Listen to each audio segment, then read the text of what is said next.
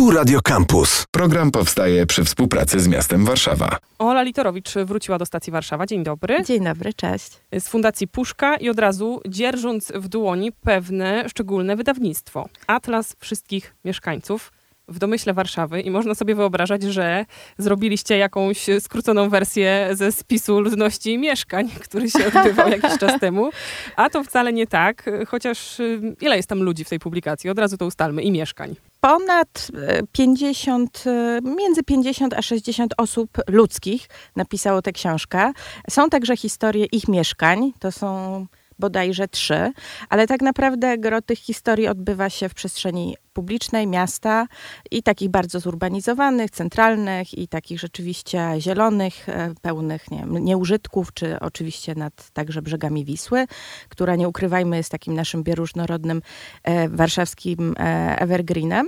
To są historie spotkań ludzi z nieludźmi, czyli ze zwierzętami, roślinami, grzybami, innymi mikroorganizmami na co dzień środowisku miejskim. Bo wychodzicie jako Puszka i Miasto Zliczenie z pewnej postawy, pewnego rodzaju myślenia o mieście jako wspólnocie.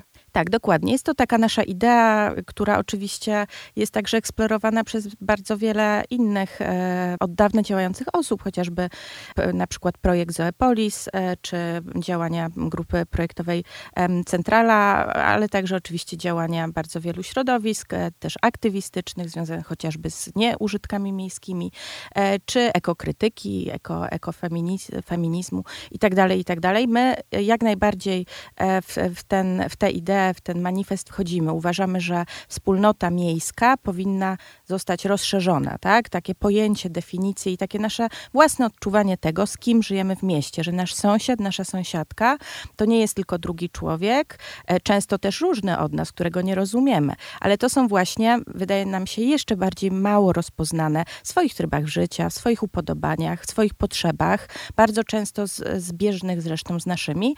Um, inni sąsiedzi i inne sąsiadki. Uważamy także, że takie myślenie, rozszerzanie tego myślenia wytłumaczenia codzienne, indywidualne, ale też takie powiedzmy sobie praktyczne, profesjonalne, czyli to, jak budujemy nasze miasta, jak myślą, działają architekci, urbaniści, jak myślą o tych sąsiadach i sąsiadkach i przestrzeniach ich życia, także urzędnicy, włodarze naszych miast, to jest dzisiaj konieczność ze, ze względu na to, w jak skomplikowanych, złożonych i oczywiście borykających się ze wszelkiego rodzaju konsekwencjami zmian klimatu funkcjonują nasze miasta. Dlatego postulujemy otwarcie się na międzygatunkową wspólnotę, ale także takie ponowne zdziczanie miast. To znaczy um, uświadomienie sobie, że ta przyroda, natura to nie jest tylko to, ta mityczna, dziewicza przestrzeń, do której musimy wyjeżdżać, jadąc sobie na urlop poza miasto albo w ogóle do jakiegoś egzotycznego kraju, tylko przyroda, natura jest obok nas na wyciągnięcie ręki w mieście.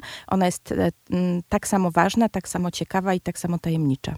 Wydaje mi się, że nie do wszystkich, ale już do wielu grup, które wymieniłaś, nie wiem, architektów, urzędników, tych, którzy myślą i projektują miasta, taki rodzaj myślenia o nim dociera, ale Atlas Wszystkich Mieszkańców jest y, zbiorem opowieści, mam wrażenie i nadzieję, że jeszcze innych typów ludzi niż architekci, urzędnicy i ci, którzy na co dzień dużo o mieście myślą.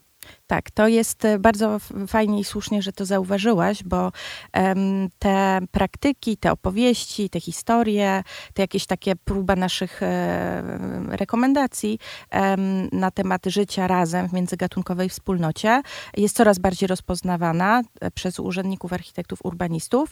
Natomiast naszym, dlatego też naszym celem było zwrócenie się ku indywidualnym mieszkańcom, mieszkan, mieszkankom miast. To znaczy, co ja jako osoba po prostu, która na co dzień mieszka w mieście, wybiera sobie to miejsce do życia, porusza się po mieście, relaksuje się, chodzi, jeździ e, po mieście, wykonuje jakieś praktyki, rytuały w przestrzeni publicznej, jak ta indywidualna osoba, e, chociażby na swoim balkonie, jeśli posiada w swoim ogródku, czy właśnie w jakichś wyborach tak, codziennych i przyzwyczajeniach skorzystania z przestrzeni wspólnej, może wspierać, a na pewno nie szkodzić takiej między międzygatunkowej wspólnocie. Mamy nadzieję, że po lekturze tej naszej książki, poznaniu także tych historii, no bo one są głównymi jednak bohaterkami, e, to, to ta część popularno-naukowa mamy nadzieję, że jest bardzo przydatna, e, ale jednak zależy nam najbardziej na tym, żeby przeczytać przede wszystkim te pierwsze 60 stron, czyli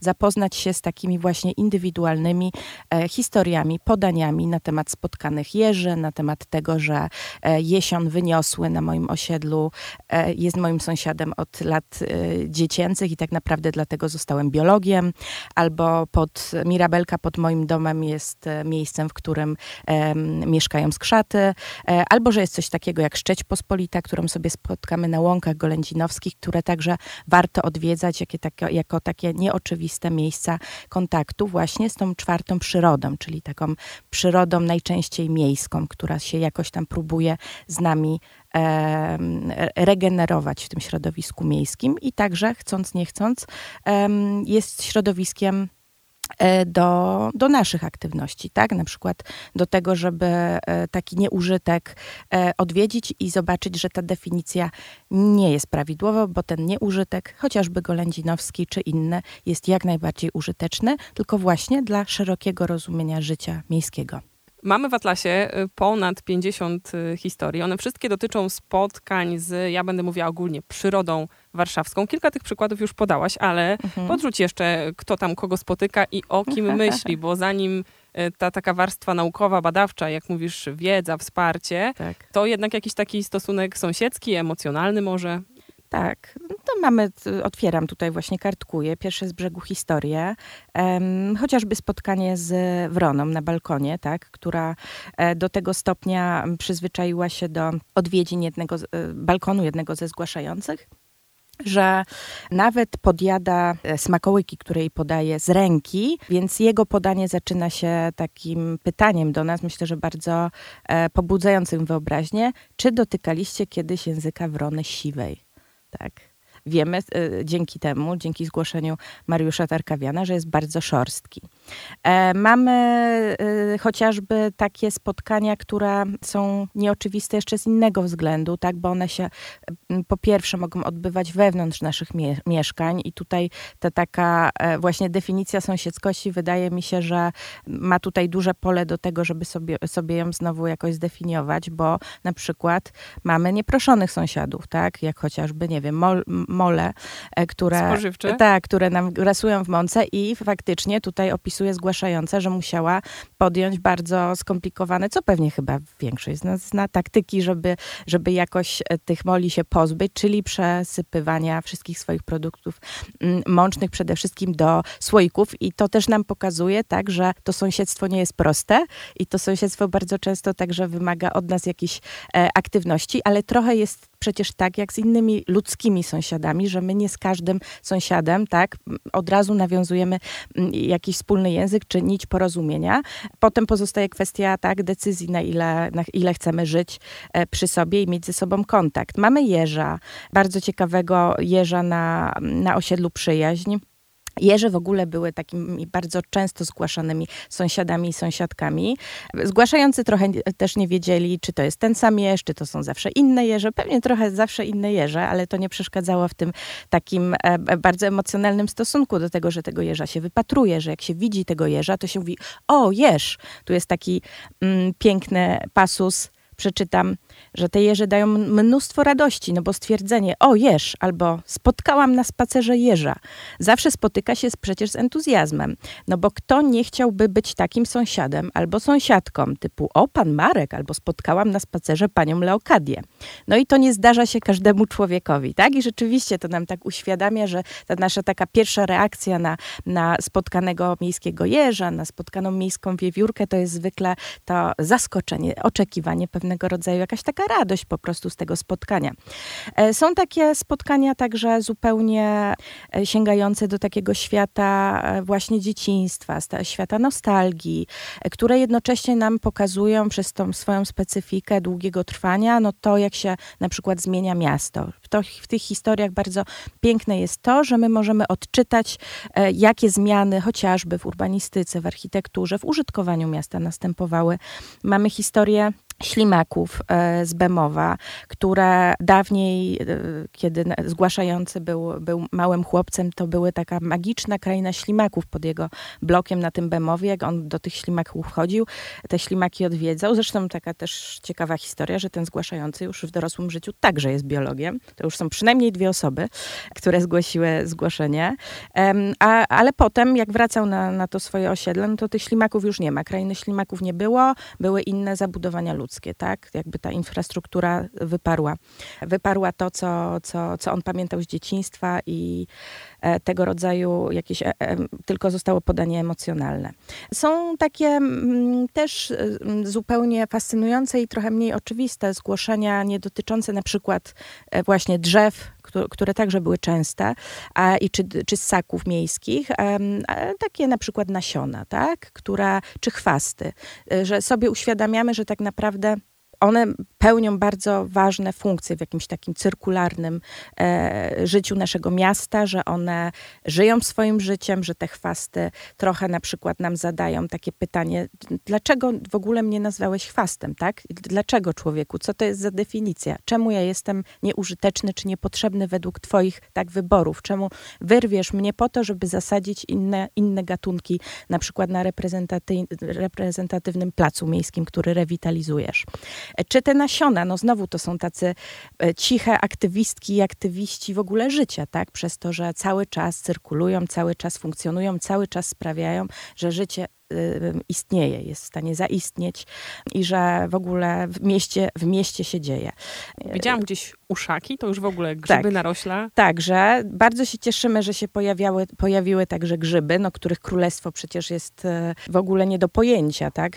A coraz bardziej się grzybami jednak fascynujemy.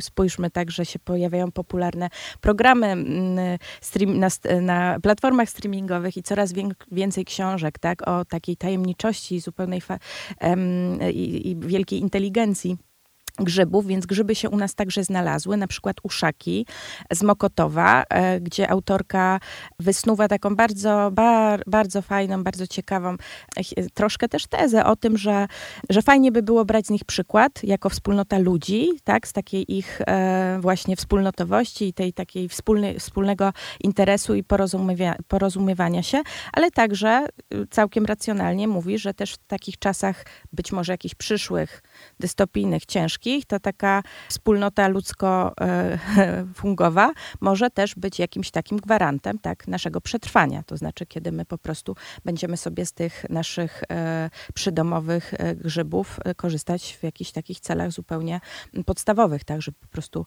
przeżyć jedząc te grzyby. Więc grzyby się pojawiły, porosty się pojawiły. Bardzo się także z tego, z tego cieszę, no bo sama do tej pory szczególnie nie zwracałam uwagi na tych mieszkańców naszego miasta się okazuje, że one są, że one są w różnych miejscach, na murach, na kamieniach, na drzewach i dopiero teraz zaczęłam w ogóle je identyfikować, że one istnieją. Osoba zgłaszająca porosty odnalazła je w czasie takich badań terenowych e, w parku Fosa i Stokach Cytadeli na Żoliborzu, e, na bardzo konkretnym kamieniu. Ja wróciłam sobie też, oglądałam potem i fotografowałam ten kamień i rzeczywiście mamy tam aż dwóch sąsiadów, których życie, wydaje mi się, dla większości jednak z nas jest zupełnie tajemniczą sprawą. I właśnie mamy nadzieję, że dzięki takim intrygującym, nieoczywistym opisom i e, podglądaniu trochę tego, e, jak z różnych perspektyw, zupełnie takich emocjonalnych, nostalgicznych, amatorskich, ale też takich biologicznych, profesjonalnych, jak można dostrzegać czy wchodzić w jakieś relacje z sąsiadami i sąsiadkami, no bo pewnie zauważenie się to jest jakiś pierwszy krok, tak, do tego, żeby w ogóle się zastanowić na przykład nad tym, w którym miejscu nasze potrzeby się przecinają, albo w którym miejscu mogłabym, mógłbym zrezygnować chociażby z jakiejś części moich przyzwyczajeń czy komfortu, do tego, żeby zrobić troszkę miejsca. No bo jak jesteśmy we wspólnocie, no to rzeczywiście mamy prawa, ale też pewnie mamy obowiązki i jakąś konieczność negocjacji i dogadania się. Jak mówisz o porostach, to już y, słyszę, że jest niszowo, bo mam też wrażenie, że mamy takich trochę celebrytów warszawskich, jeśli chodzi o rośliny i zwierzęta. Wszyscy znamy, nie wiem, sokoły z Pałacu Tak, Kultury, tak. ptaki z Nadwisły, ptaki z patelni. Nie wiem, czemu te ptaki jakoś tak się przebijają do świadomości. Dziki z Tarchomina, czy też jakieś Mhm. pojedyncze rośliny. Co tutaj się wydarzyło? Jakie miejsca, czy też jakie gatunki Mhm. mogą nam trochę tak rozszerzyć głowę i to myślenie o bioróżnorodności Warszawy? Tutaj bardzo zachęcam do e, przejrzenia rozdziału e, tego już popularno-naukowego, e, którego autorem jest biolog, e, wielki miłośnik przyrody i niesamowity gawędziarz zresztą, Adam Kapler, e, który e, prowadzi niesamowite spacery po Warszawie, właśnie uwrażliwiając nas na całe światy, bogactwo życia, którego, które się gdzieś tam przed nami pewnie chowa albo których nie znamy. No i Adam Kapler do książki nam stworzył taki powiedzmy spacerownik, bardziej to nazwaliśmy gawędę o warszawskiej bioróżnorodności, no bo to rzeczywiście jest taki bardzo gawędziarski, charakterystyczny dla niego em, sznyt. E, I Adam nas zabiera w takie miejsca, które rzeczywiście potwierdzają to, e, gdzie mamy te hotspoty warszawskiej bioróżnorodności. No i oczywiście najwięcej miejsca jest tutaj poświęcone zatłoczonej Wiśle, to jest taki podtytuł, bo Adam w swoim tekście pokazuje, że rzeczywiście tam życia jest e, cała masa, ale także zabiera nas e, w takie troszkę mniej oczywiste miejsca, do na przykład Raszyna, do stawy raszyńskie, które e, są jakąś taką też ostoją ptasiej Warszawy. Oczywiście na Zakole Wawerskie, które jest coraz bardziej, wydaje mi się, obecne w świadomości i warszawiaków i warszawianek, jako takie zupełnie niesamowite miejsce o niesamowitym e, potencjale właśnie odkrywania takich nieoczywistości, no bo to jest e, rządzące się zupełnie swoimi prawami, a jednocześnie dostarczające nam, jako ludziom, bardzo dużo dobra, e, chociażby mikroklimatycznego. Mm, Miejsce, w których znajdziemy bardzo rzadkie gatunki. Jest to też miejsce takich odwiedzin rzeczywiście biologów, ornitologów, mykologów, ale jak najbardziej w jakimś takim na, nie- niewielkich grupach. Bardzo też polecamy się tam e, zapuścić i poobserwować na przykład to, ile rzeczy dzieje się w wodzie, no bo to są jednak w dużej części podmokłe tereny, tereny mokradłowe. Mamy także ogródki działkowe, tak, które e, rzeczywiście e, dyskutujemy bardzo namiętnie w Warszawie, ale jednak pod takim kątem bardziej ludzkim, tak, jako taki zasób właśnie suweren- suwerenności żywieniowej, czy taki wspólno, miejsce zawiązywania się wspólnot, spędzania wolnego czasu. Mm, Adam pokazuje, jak bardzo e, to także jest, czy może być miejsce nowej miejskiej dzikości, tak. Tutaj ja znam takie fajne odniesienie z projektem e, zdziczania ulic, na przykład w Londynie, gdzie takie rezerwuary mniej oczywiste jak ogródki działkowe, czy na przykład ogródki przydomowe, zliczone w Londynie, to jest aż 25% powierzchni miasta. To jest tak, jedna czwarta powierzchni przestrzeni Londynu, która tak naprawdę właśnie skalowana, jeśli spojrzymy na y, jej potencjał w skali, może tworzyć niesamowite przestrzenie, ale także takie ciągi, korytarze wręcz zielone, ekologiczne dla miejskiej przyrody. E, Mamy Las Bielański, po którym zresztą organizowaliśmy spacer, który także zasługuje na pewno na, na jakieś takie eksploracje. Tym bardziej, że jest to rezerwat miejski, tak? To, to, to też nie jest częste i mm, wydaje mi się, że e, wizyta w Lesie Bielańskim pozwala nam też sobie właśnie uświadomić, jakie reguły, że są reguły, tak, tak tego, co człowiek powinien, gdzie powinien móc wejść, a gdzie nie.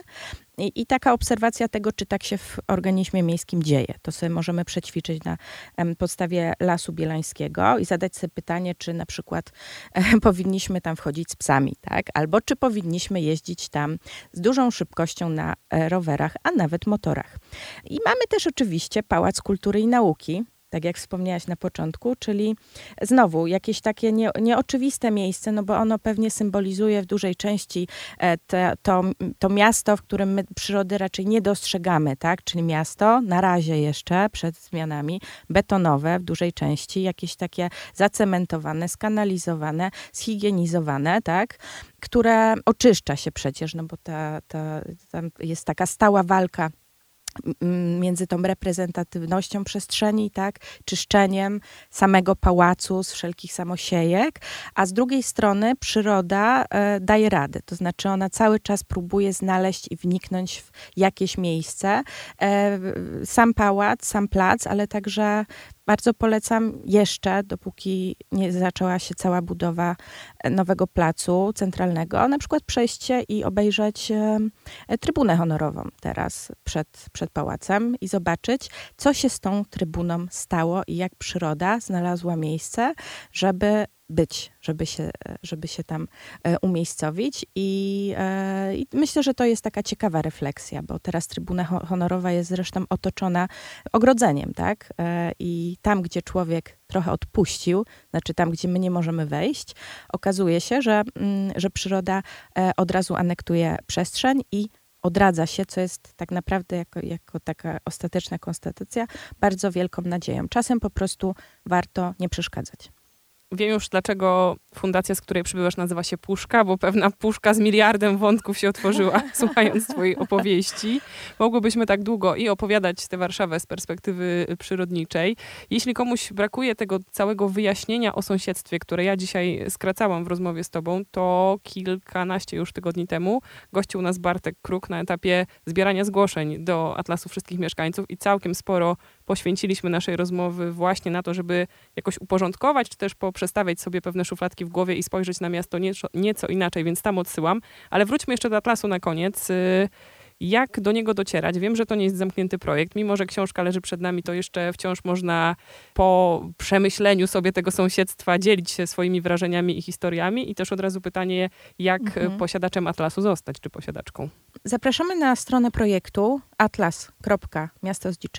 atlas.miastozdziczenie.pl i tak jak powiedziałaś, Atlas jest projektem otwartym, jest projektem wspólnym. Ja tutaj mam duży zaszczyt o nim opowiedzieć, ale tak naprawdę autorów, autorek to, to jest kilkadziesiąt osób i każdy ze słuchaczy, słuchaczek może także zostać współautorem, to znaczy przysłać nam swoją opowieść. W wersji elektronicznej chcemy, żeby ta mapa się coraz bardziej zapełniała, żeby pojawiły, pojawiały się tam wasze spotkania, wasze relacje um, codzienne, jak i takie mniej oczywiste, warszawskie, więc bardzo zapraszamy do tego, żeby po prostu do nas dołączyć. E, bo tylko razem możemy narysować taki pełen obraz tej miejskiej wspólnoty. Tam też znajdziemy cały atlas w mm, wolnym dostępie w wersji elektronicznej, zarówno jako takie pojedyncze wpisy, jak i cały plik PDF, więc ta książka, którą trzymam mm, prze, przed sobą, jest całości do po prostu ściągnięcia i lektury. Natomiast pozostało nam jeszcze trochę, chociaż ten zasób się szybko kurczy, e, egzemplarzy drukowanych, więc zachęcamy po prostu do kontaktu z nami. E, przez stronę, tam jest e, e-mail. E, proszę napisać, szczególnie jeśli na przykład posiadacie jakieś takie, czy znacie miejsca, w których występują jakieś wspólne biblioteczki, jakieś inicjatyw, jakichś organizacji pozarządowych, jakichś, nie wiem, urzędów, instytucji, gdzie taki atlas bezpłatny do czytania mógłby być i służyć e, większej liczbie osób. E, natomiast także 22 stycznia, to jest e, najbliższa niedziela, w godzinach 13 e, do 14, razem z rysownikiem naszego atlasu, wszystkich ilustracji i okładki Mariuszem Tarkawianem, serdecznie zapraszamy do sklepiku Fundacji Benzmiana przy ulicy Mokotowskiej. Będziemy atlas rozdawać i będziemy także opowiadać o nim. Mamy nadzieję na wiele spotkań i e, ciekawych rozmów o międzygatunkowości w samym centrum miasta. Ola Literowicz gościła w audycji. Dziękujemy. Dziękuję. Program powstaje przy współpracy z miastem Warszawa. Same sztosy.